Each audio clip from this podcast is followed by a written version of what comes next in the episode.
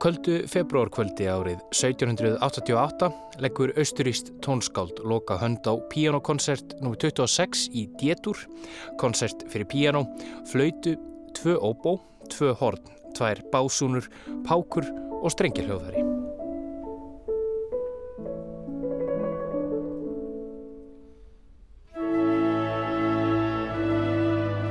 Skildir þú komast í tæri við þessar nótur, kæri hlustandi, sægir þú nokkuð sem kynni að skera í augu, jafnvel þótt þú hafið ekkert vita á tónlist.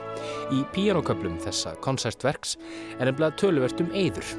Þar sem ættu að vera nótur stendur ekkert skrifað. Glimti tónskáldið að skrifa nóturnar? Nei, hann glimti því ekki.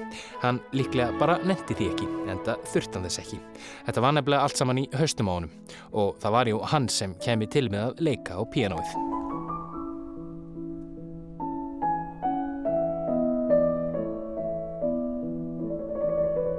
Pianokoncert nr. 26 í D-dur er síður en svo eina verkið hvar Wolfgang Amadeus Mozart sleppir því að skrifa heilu og hálfu kaplana á nótnablaðinu. Kanski sá hann fyrir sér að hann geti sparað tíma með þessu eða mögulega var hann bara latur. En Mozart var auðvitað spunamestari mikill. Á sviðinu spilaði hann kannski bara eitthvað allt annað en hann hafði upphæðlega ætlað sér að spila. En hafðu hugfast kæri hlustandi að spunin helst alltaf listilegi hendur við harmoníinu og allt fellur það inn í tónverkið. Og höfundurinn, stjórnandin, sjálfur listamadurinn er snillingur. Hann gerir þetta eftir sínu eigin höfði, engar glósur, ekkert pár á spásíunni, bara eiða, bara tómurum sem hann einn getur fyllt.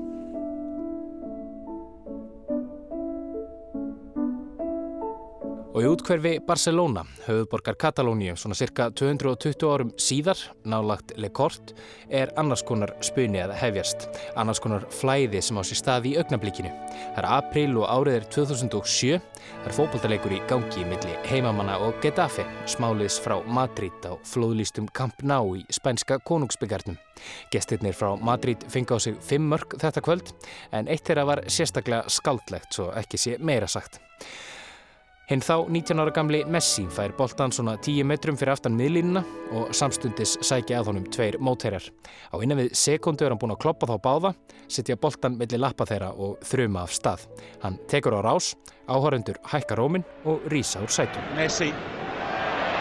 Oh, brilliant skill from Lionel Messi. Surging forward with real menace here. Brilliant. Hann leipur áfram svona 30 til 40 metra á ognar hraða með boltan limdan við tærnar.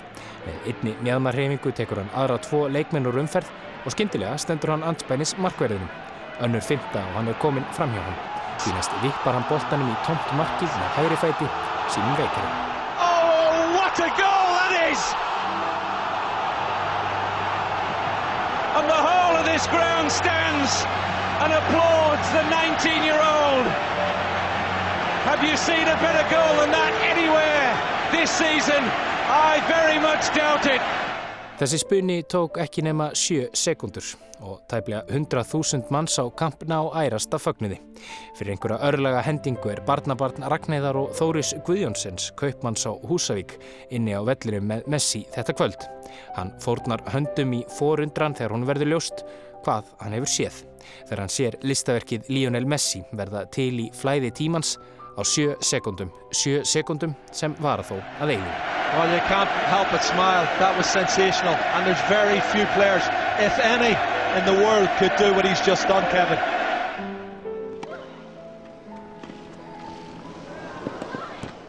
Hún er búin að þeitast fram og tilbaka á grasinu og hún er orðin þreytt en það er hún yfirleitt betri þegar hún spilar á leir.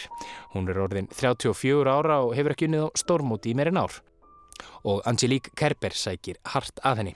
Kerber hafði þegar unnið sýstur hennar í undanúslutum og árið 2016 ætlaði hún sér að vinna Wimbledon titilinn.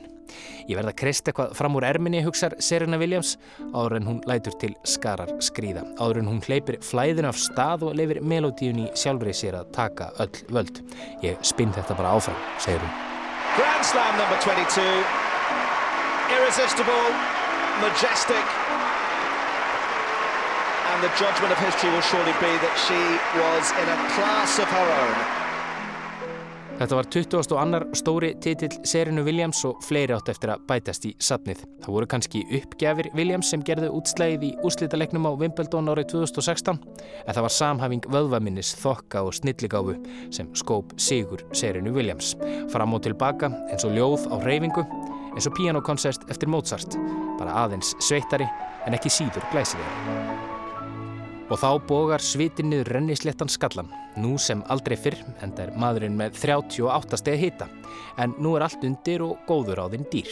Now the big story here tonight, the story concerning Michael Jordan's physical conditions. This Jordan arriving about two hours ago, he is suffering from flu-like symptoms. Það er 11. júni árið 1997 og fymtilegur Utah Jazz og Chicago Bulls í úslita einvíinum NBA-titilin í Körfubólta er að hefjast. En bestileikmaður Bulls, bestileikmaður í heimi Michael Jordan, er með flensu og enga smávegis flensu, magaverkur, höfverkur, svimaköst og 38 steg hitti. Nú liggja Danir í því eða hvað? Nei, nei, hugsa Jordan eða kannski hugsa hann ekki neitt. Hann heldur bara af stað. Þessi leikur er ju óskrifað nótnablað. Það er undir honum komið að fylla í eðurnar.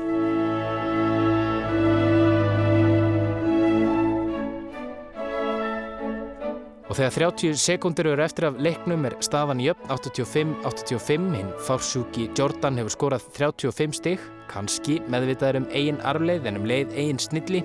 Hugsaðan með sér að hann þyrti allavega að jafna hitastíð í höstum á sér. Svona upp á söguna. Af hverju ekki? Ég geta alveg, hugsaðan. 10 on the shot clock. Pippin, backing Hornacek. Here's Jordan from Yes! Michael Jordan from straight away. Þristur ofan í, 38 stegi hitti, 38 körubáltsteg. Staðan 3-2 í einvíinu fyrir Bulls, einvíinu sem Jordan kláraði svo nokkur deginn sjálfur nokkrum dögum síðar heima í Chicago. Og í henni grái Reykjavík í mars árið 2004 situr 13 ára gutti við tablborð með appelsínu safa í notaðri Pepsi Max flösku frá Ölgerðinni. Hann situr einnið borðið, virðist ítla einbyttur og fylgist með skákunum í kringum sig. Allt einu byrtist stórmistarinn Gary Kasparov, besti skákmaður heims og tilli sér fyrir framann hann. Stutt og slepilegt handtak og það er ekki lustuð að Kasparov líði hálf óþægilega. Skildi engan undra en það er Kasparov einn af þessum mönnum sem eru konið með skeggum kvöldmandaleiti þóttir raki sig um morgunin. Strákurinn á móti honum á ekki einu sinni rakvel. En fljótlega er Kasparov komin upp að vegg í þessari hraðskák. Hann hristir hausin og liftir brúnum, horfir vandræðilegi átt til áhörundana hver fjandin er að gerast hérna, hugsa hann með sér.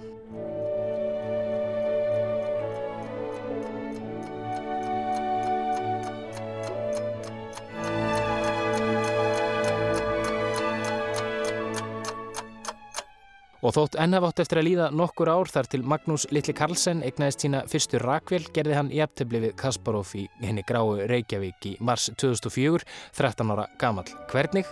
Jú, hann bara teldi. Gerði það sem húnum fannst réttast hverju sinni. Brást við mótleikjum Kasparovs eins og Messi fór til hæri þegar leikmenn Getafe fóru til vinstri. Ratt og án þess að heika. Engustæðar í hausnum á Magnúsi Littla Karlsson var þetta allt saman fórskrifað. Hann vissi hvað hann átti að gera þótt hann vissi ekki að hann vissi það. En svo Mozart sem þurfti ekki einu sinna að skrifa niður nóturnar af pianokoncert nr. 26 unnu Messi, Williams, Jordan og Carlsen í flæðinu í augnablikinu. Snillingar sem búið geta til list úr engu skapað eitthvað ex nihilo. Á ólíkum tímum, á ólíkum aldri síndi þetta fólk snilli sína fyrir heitum þar sem koma skildi eða staðfesting á sannleika sem er nú greftur í stein. En þetta eru íþróttamenn á snild eitthvað skilt við auðma samhæfingu vöðvaminnis, þreks og innsæðis.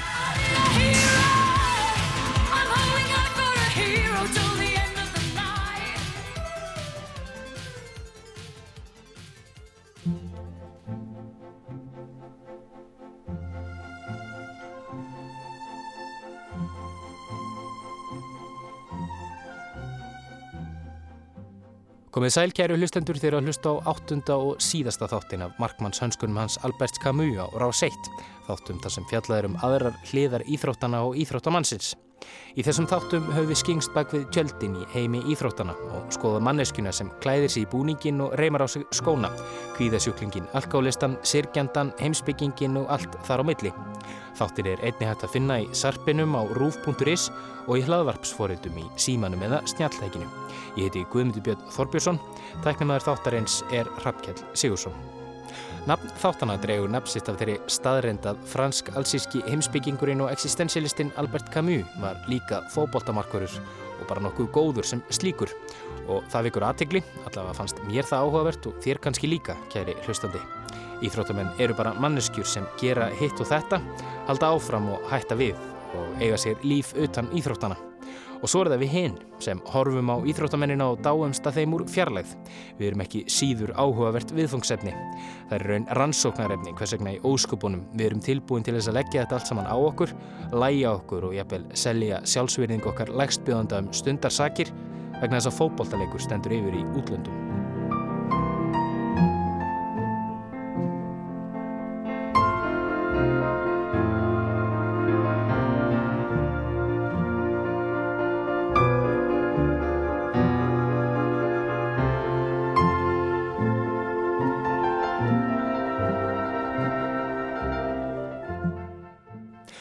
Þessum loka þætti veltum við vöngum yfir því hvort ákveðnir íþróttamenn geti talist snillingar og hvað það merkir í raun og veru að vera snillingur.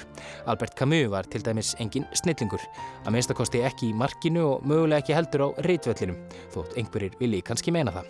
Hann var jú vissilega hæfileikaríkur og snart miljónir manna með skrifum sínum.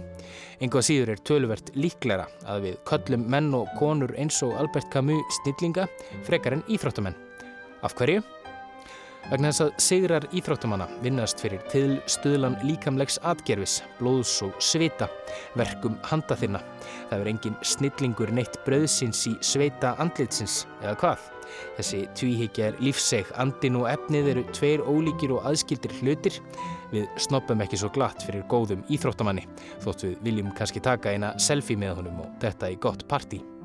Hér ætla ég að gerast svo djarfur að við fengja þessa mítu og halda því fram að það séu til íþróttamenn sem eru snillingar og snillingar sem eru íþróttamenn. Og það sem gerir þá að snillingum sé að þeir standa á mörgum hins yfirskilvillega. Þeir geta búið til listaverk sem lifað eilífi. Þeir séu hennir eiginlegu brúarsmiðir á milli okkar og æfintýra heimsins, svo vísa sé enn og aftur í orð Ólafs Stefánssonar og fyrsta þætti þessarar þáttaraðar. En margir eru kallaðir en fáir útvaldir. Snillingur er ekki það sama á snillingur og hér leggjum við því auðmjúkan dóm á það hvaða krítiríu hinn eini sanni íþróttasnillingur þarf að hafa til þess að komast í gegnum nála raugað og verða útnemdur snillingur snillingana. Sá verið vísta fá að vera einnum þá nafnbót, við erum jú að tala um íþróttir og í íþróttum verður einhver að vinna. Og það er sjálfsögðu Mozart, snillingur sem á sér enga líka, sem fylgir okkur alla leið í þessari leit að óglemdri Bonnie Tyler.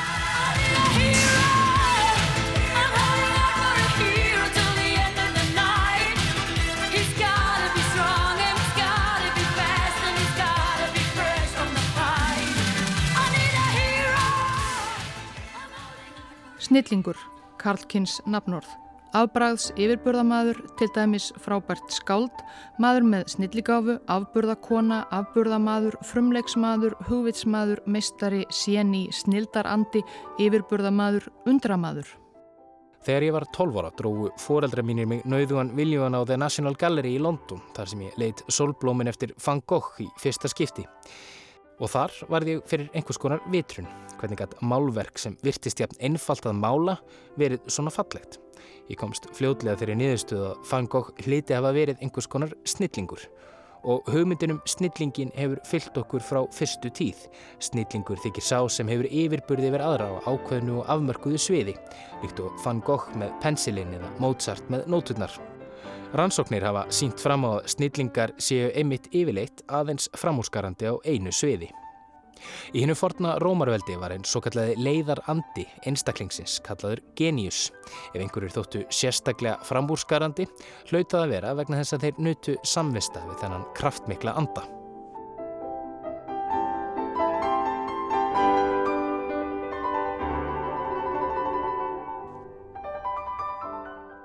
Í dag er snilligáfa gjarnan tengt greindarvísitölu, órjúvanlegum böndum. Að þeir sem mælast með háa greindarvísitölu séu snillingar. Í nýlegum rannsóknum innan sálfræði eru færð rauk fyrir því að til þess að geta talist snillingur þurfu greindarvísitala viðkomandi að vera að minnstakosti 125. Það sé þó ekki nóg til þess að teljast snillingur. Til viðbótar þurfu hann að geta samhæft persónu einkenni sín, drivkraft, elgi og dugnað og ræktað gardinn sinn svo hann blómstri. Það kann að hljóma fáránlega að hugtök eins og snillingur séu reyfuð í vísindarlegum rannsóknum en þetta er ekki til einhver einn skilgreining á snillingi sama hvað orðabókin segir. Mísjafnir smekkur manna, það sem eitt telur snilling telur annar ekki. Á þetta minnir Bjartur í sömurhúsum okkur í sjálfstæðu fólki þegar hann bölvar því að dönsku kjensla þykja æskilega. Já, danskan, saði Bjartur og lit sér fátum finnast. Hún kann að vera góð fyrir stórþjóðirnar. En hjá okkur upp í dölunum þá höfum við nú meiri trú á snillingum fyrri alda eins og Magnúsi heitnum Magnúsinni frá Magnúskóum. Ísland mun aldrei framar eignast hans jafningja. Við deilum líklega ekki öll dálæti Bjarts á Magnúsi Magnúsinni frá Magnússkóum eða þeirri sannfæringu sérvitringsins Gvents Dúlara sem getiður um í æfisögu sér átna Þórenssonar um að Símón Dalaskáld hafi verið snillingur. Síðustu orð Gvents voru einmitt mikið skáld var Símón en Símón líkt og Magnús þóttið versta skáld. Hvorki Símón Dalaskáldni Magnús Magnússon frá Magnússkóum voru snillingar. Ég ætla bara að halda því fram hér en þeir voru kannski frumlegir og einhvern nátt kunnáttumenn. Þíski heimsbyggingurinn Immanuel Kant held því emitt fram að frumleiki væri grundvallar enkenni snittingsins. Hann þyrti að geta í eigin mætti, komist að niðurstöðum eðli hlutana á þess að nokkur annar kenni honum þá. Á hennum ímsu listum á netinu yfir snillinga er sjaldan að finna íþróttamenn.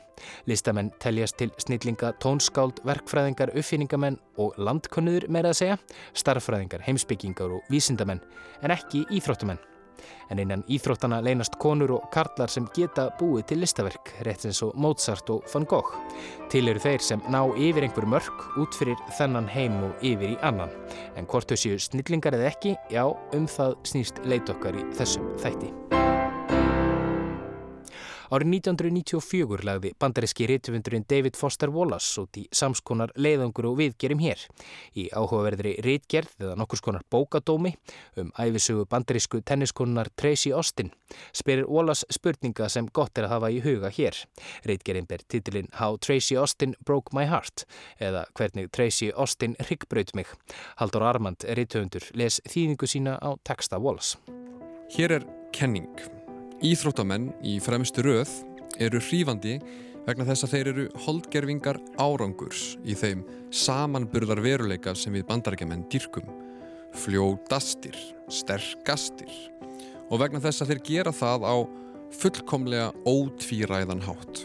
Spurningar um besta píparan eða besta millistjórnandan í endurskoðunarfyrirtæki er ómögulegt að skilgreina Og meðan svarið við spurningunni um besta kastaran eða bestu vítaskittuna eða besta kvennkins tennispilaran fælst einfallega í opinberri tölfræði. Við heillumst af íþróttamönnum í fremstu röð vegna þess að þeir höfða í senn til þráhyggjukents áhuga okkar á yfirbyrðum í samkennisumhverfi og þess sem kemur skýrt fram í hráum gögnum. Í reitgerinni lýsir Wallace einnig vonbriðum sínu með hver átakanlega þurr og léleg æfisaga Austin var en hann hafi verið diggur aðdáðandi tennistjörnunar fá barnsaldri. Stærri spurningar leituð á Wallace, spurningar sem hann vildi fá svörfið en fekk ekki í æfisögunni. Við glukkum aftur í Wallace síðar í þættinum. Ég hef á tilfinningunni að hann er eftir að hjálpa okkur í þessari leit, leitinni að snillingi íþróttana. Wikipedia.org skástrygg Michael Jordan. Michael Jeffrey Jordan fættur 17. februar 1963 í Brooklyn, New York. Einnig þekktur undir skamstöfunni MJ er bandarískur fyrverandi atvinnumadur í korfubólta viðskiptamadur og eigandi Charlotte Hornets í NBA korfubóltadildinni Jordan spilaði 15 leiktíðir í NBA fyrir Chicago Bulls og Washington Wizards. Það þykir einróma álit að Jordan sé besti korfubóltamadur allra tíma Three.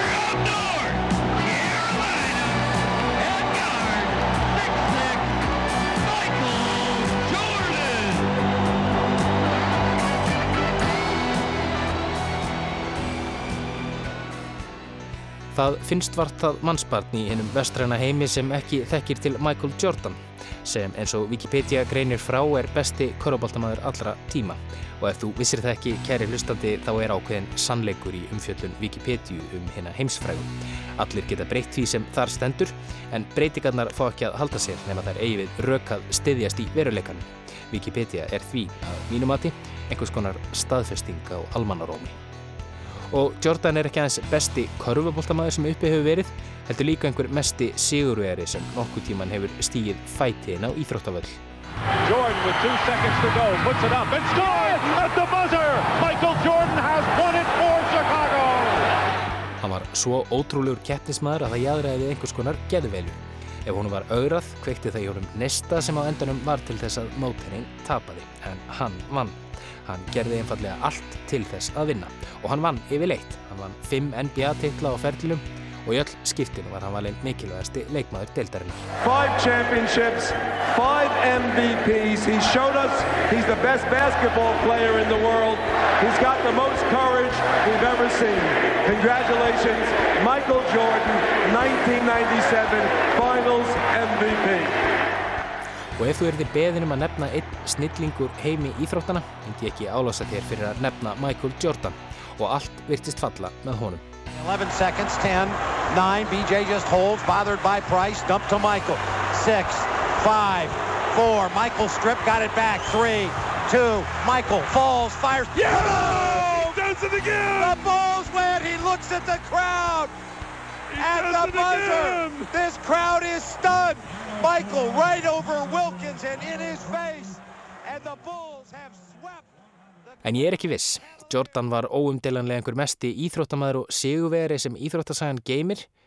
En það sem gerði Jordan nefnt góðan og raunbar vitni, það sem færði hann yfir á næsta stig og gerði hann að mögulegum og hugsanlegum snillingi, var skapið í honum.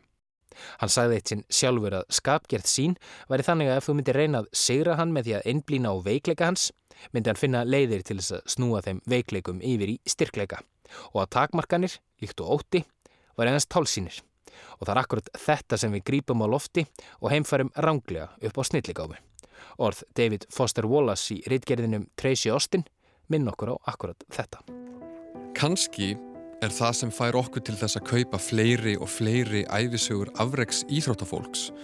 Jafnvel þótt þær valda okkur sífældum vonbriðum.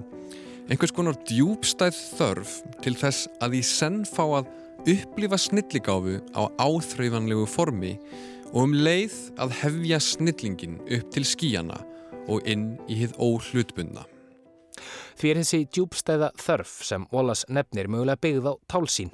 Skapgerðar einkenni Jordans þessi óbylandi þrá til að vinna og óslökkvandi þorsti í stöðugt betri árangur ofinberaði sig utanvallar. Ekki þannig að Jordan færi mikinn í kaupöllunum, heldur í þeim manni sem Jordan bara geima. Hann á fáa vini og fáir komust að honum.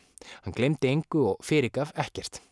Þegar hann var tekin inn í fræðarhöll NBA sá hann ástæði til þess að minna Byron Russell, heldur óeftirminnilegan bakverð Utah Jazz, á að hann hefði aldrei getað dekkað sig.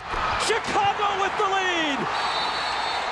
Timeout Utah! He's a killer! Í þessari sömu ræðu talaði Jordan einnig um þjálfarana sína í mentaskóla sem höfði ekki trú á honum.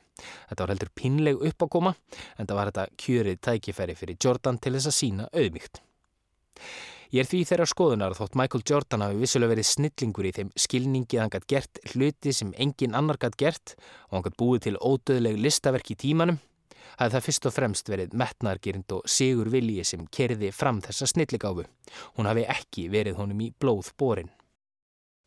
En það breytir því ekki að Jordan var vissulega á einhvern nátt inni á vellinum fullkomlunin holdgerð. Ég sóti eitt sinn heim gamla heimavöll Jordans í Chicago.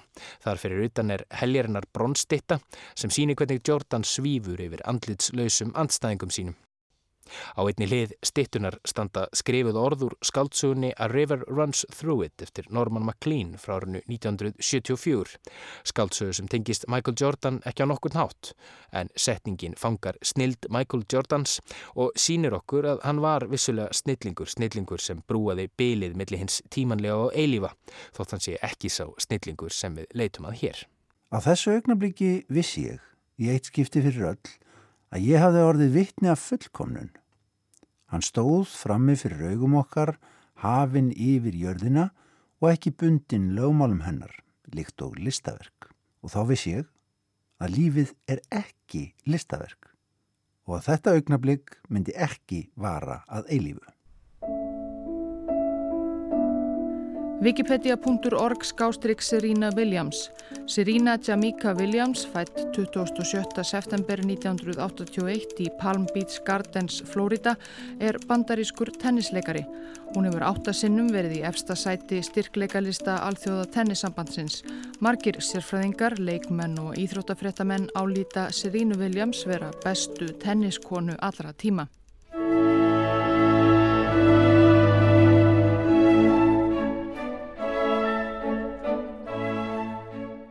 Serena Williams er eini tennisleikari sögunar bæði í Karla og Kvennaflokki sem eru unnið að minnstakosti sex titla á þremur af fjóru stóru tennismótunum. Og eini leikmaðurinn sem eru unnið tvö af fjórum stóru mótunum, sjösinum hvert, sjö Wimbledon titla og sjö á opna ástrálska. Hún er unnið 39 stóra titla á ferlinum og árið 2015 var hún valin íþróttamaður ársins í heiminum að vinna virta íþróttímariti Sports Illustrated. Point! Serena Williams scrambling throughout, survives. Kröftugar uppgefir serinni þykja hennar helsti styrkleiki en það er ekki bara hraðin og krafturinn í uppgjöfunum sem er skeinuhættur. Hún kemur nefnilega boltanum yfirleitt nákvæmlega á þann stað sem hún vill að hann fari. En því miður kann það að vera svo að vegna þess að Serena Williams er kona hafa afreg hennar ekki verið metin að verleikum innan íþróttana. Heimur íþróttana er enþá að mörguleiti heimur karlmana og oftar en ekki brotina karlmana eins og við hefum fengið að kynnast í þessum þáttum. Tenniskappin fyrirverandi John McEnroe sagði nýverið að Serena ætti ekki séns í 700 bestu karlkins tennisleikara heims þar sem hún væri kona. Blaðanarinn Kevin Fallon velti fyrir sér þýðingu slíkra fulleringa. Árið 2017 getum við gengið að þremur hlutum vísum, dauðanum, sköttum og karlrembu östnum sem að gera lítið úr afrækum hvenna.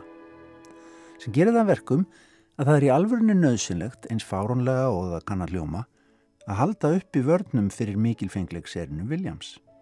Því auðvitað þá geta engin orð líst þessum tennisnillingi.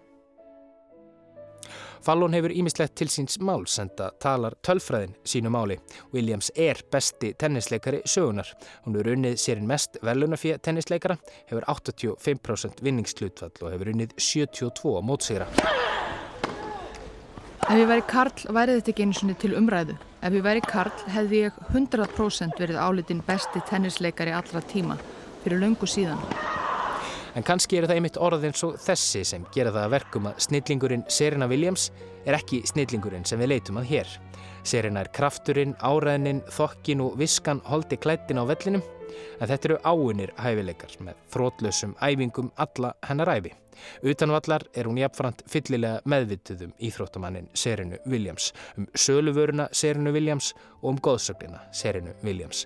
Það er engin Mozart í Serenu Williams þótt hún sé vissulega á sinn hátt snillingur.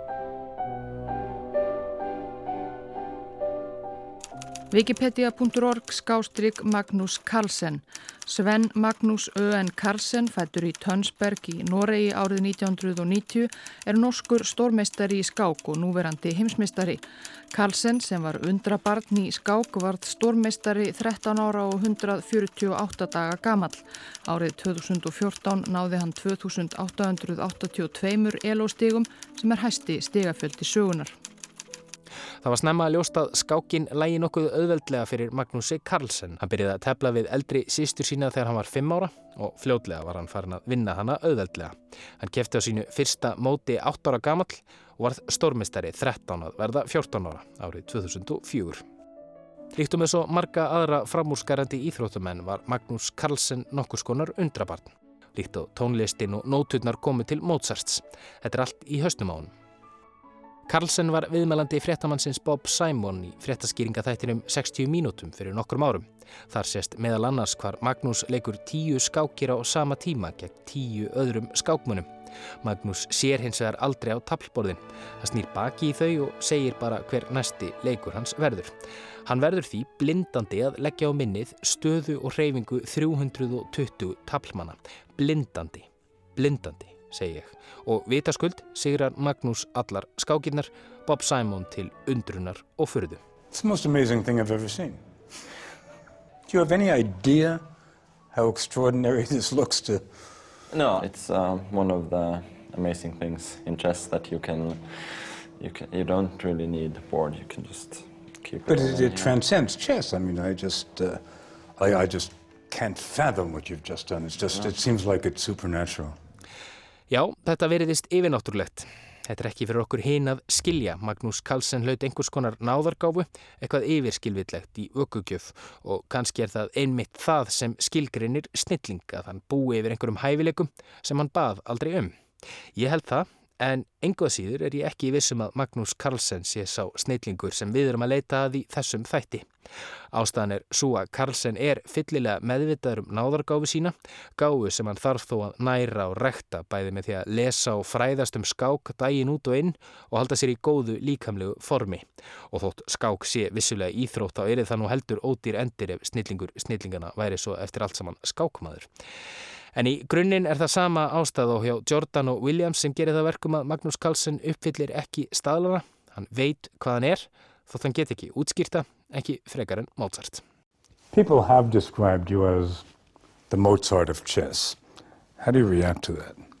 Yeah, maybe, but but was Mozart ever asked how he does this?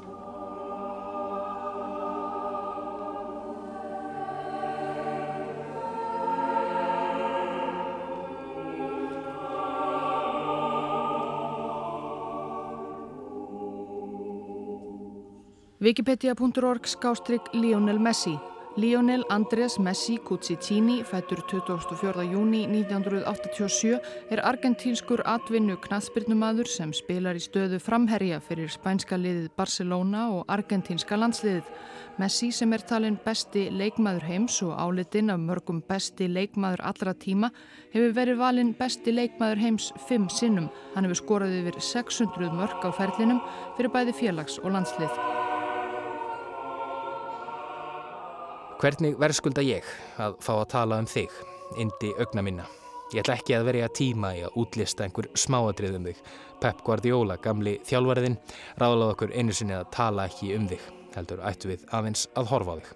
Ég ætla ekki að segja frá því að þú hefur verið 12 ára þegar þú fluttir til Barcelona og spilaðir 5 árum síðar þinn fyrsta aðlistleik, aðeins 17 ára fyrir besta lið í heimi. Ég ætla ekki að segja frá því að sjálfur Frans Pávi segi þig betri en bæði Pele og Maradona. Þú veist ekki að því, en ég gerði mér ferð til Barcelona fyrir haust til að berja því augum og sannreina hvort hægt sé að verða vittni að fullkomnun. Þessari fullkomnun sem stendur á stýttun hans Jordans, en um leiði til að sjá hvort það sé eitthvað sem aðskilji ykkur tvo, hvort þú sérst sá sem ég held að þú sérst. Ég setja kantna á, um vafin fólki, mannhaf. Hér er fólk komið til að sjá Lionel Messi, kemur svolítið óvart hvað stemningin er lástemt en í hvert skipti sem Messi fær boltan það ekki bara gerist eitthvað heldur að gerist eitthvað í áhrundunum og er svo allir búist við því að eitthvað ótrúlegt sé að fara að gerast. Ég fór þangað með miklar væntingar, ég var að sjá því í fyrsta skipti. Á einhverjum tímapunkti voru ekki nema 30 eða 40 metrar á millokkar Ég var rækjandi eitt með svakalega sendingu einn fyrir á Messi og eins og heyriðist bjóst fólki við einhverjum sem var þó ekki, en við býðum. Eftir hverju var ég að býða, spyr ég sjálf um mig núna. Var ég að býða eftir því að Messi skoraði mark? Þegar ég satt þarna á vellinum og horfið á Messi var mér hugsað aftur til David Foster Wallace og vangaveltna hans um snilling í þróttana. Hvað er það við þig, litli maður, sem fær mig til þess að halda að þú sért snillingurinn sem ég leitaði?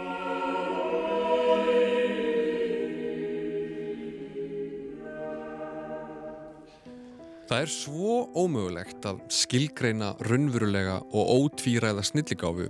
Og sönn kunnáta og hæfileikar eru svo sjaldan sjáanleir hvað þá sjónvarpsvænir. Að kannski gerum við sjálfkrafa ráð fyrir því að fólk sem er snillingar á sviði íþrótta séu líka snillingar þegar kemur að því að tjá sig í rituðu og mæltu máli.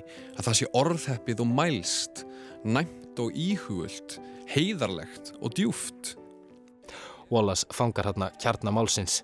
Lionel Messi skilgrinir sig ekki. Hann talar í rauninni ekki. Hæfileikar hans eru af öðrum heimi, líkt á hæfileikar Magnúsar Carlsen. Sigurvili hans er ótvíraður eins og hjá Michael Jordan. Vinna á eljusemi hans sömu leiðins eins og Serinu Williams. En hann er með öllu ófær um að greina sjálfan sig með nokkru móti.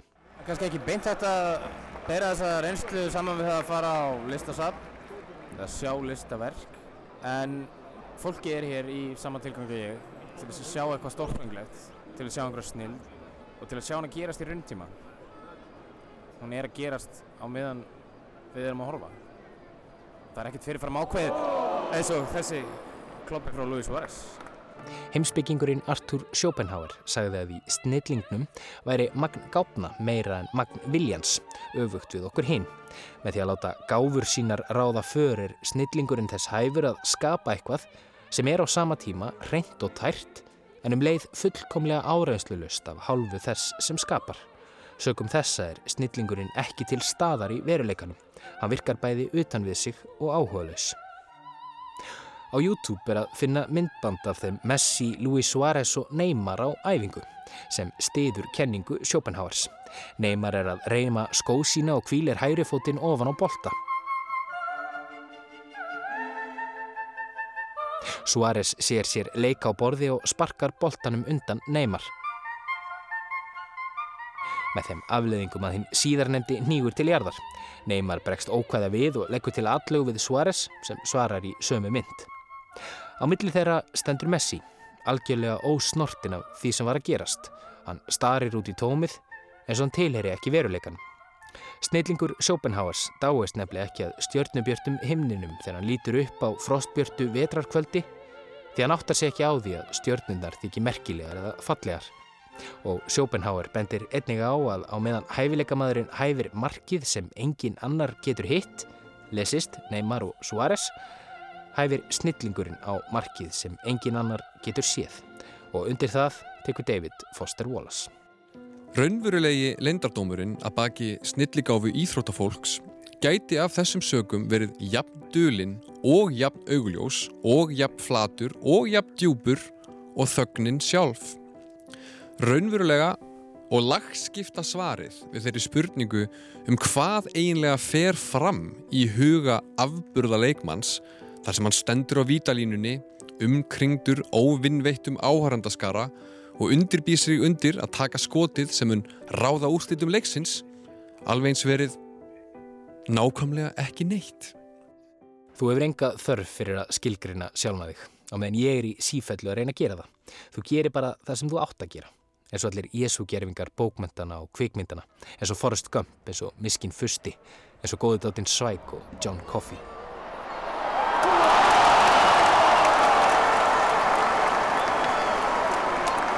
Ég held að það hefði gæst Messi skoraði en hún búið dæmar ástöðu. Ég get allavega sagt að ég hafi séð Lionel Messi skora marg. Það var reyndir ekki löglegt, en ég hef séð hann skora marg. Það er eitthvað. Og þarna satt ég og ég horfið á þig. Það er einhver íróni að fólkinni því að þú hefur skorað en markið hefur verið dæmt af. Ég get ekki pantað tímalauðs listaverk eftir henduleik. Og þegar ég horfið á þig, áttæði mig á því að þér er slett sama þótt ég siti þarna rétt hjá og ég sé að hugsa svona mikið um þig. Þú ert ekki að hugsa um arleið þína. Þú ert ekki að hugsa um ímynd þína. Þú ert í flæðinu, en þú veist ekki hvað þú gerir. Eins og svo oft á við um meðhöndlun okkar á sannleikanum er hér grimmileg þversögn í spilinu. Það kann að vera að við áhöröndur sem ekki erum guðdómlega hæfileikaríkir sem íþróttamenn séum þeir einu sem virkilega geta séð fært í orð og blásið lífi í þá gjöf sem okkur er neitað um. Já, að við séum að Lionel Messi berið með öfum, ég sé að spila hér á sínum heimaðalli, ég sá hann ekki skora, ég sá hann lengi upp mark og hann var ótrúlegur. Engi vonbreiði og rétt eins og að sjá solblómin eftir Van Gogh. Það var eitthvað við að sjá slíka snill með berið með öfum sem er aðeins öðruvísi og hún er raunveruleg. Hún er til og að þeir sem hljóta þá gjöf sem snilligáfa á sviði íþrótta er og raungera hana í heiminum verði af nöðsin að vera blindir og heimskir gagvart þessari sömu gjöf og ekki vegna þess að blinda og heimska eru gjaldið sem þeir greiða fyrir náðargjöfuna heldur kjarni hennar. Hinn grimmilega þversögn, snillingur snillingana er Lionel Andrés Messi frá Rosario. Kynntu þér hann hlustandi góður að þú ert unnandi lífsins og fegurðarinnar og þá myndu sjá og skilja að í honum tók fullkomlunin sér bólföstu. Hann bað ekki um það og hann skilur ekki hvað það þýðir. Hann skildi ekki hvernig hann hljóp fram hjá öllum leikmönnum Getafe þegar hann var 19 ára. Hann skildi ekki að hann var þá þegar orðin millilegur náðarinnar, líkt og Mozart. Og rétt eins og Eidur Smári, barnabarn Þóris Kaupmanns á Húsavík sá fullkomnun raungerast í flæði tímans fyrir tíu árum en á Kamp Ná, mun Jóndaði Böðvarsson, barnabarn Þorstens frá Hamri, verja augnablíki í tímanum með snillingi snillingana í Moskvu næsta sumar.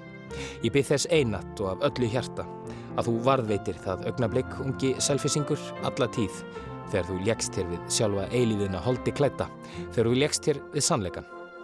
En ég býst ekki við að þú skiljir það, ekki frekar en ég myndi gera. En það er það ekki mannsins að skilja eða ná utanum sannleikan þótt hann starri í augun okkur. Það vissi Pontius Pilatus og það vissi Pep Guardiola. Ekki talaðan um hann, horfið bara á hann. Þú ert síkarettan sem logar á vörum mínum, þú ert einn eilífa intaka, engin útblástur, nistinn sem logar að eilífu og blinda þín og heimska Gagvert eigin náðorgjöfur kjarnin í fegur þinni. Þú ert snillingur snillingana, Lionel Messi frá Rosario. Ég þakka þeim sem hlýtu.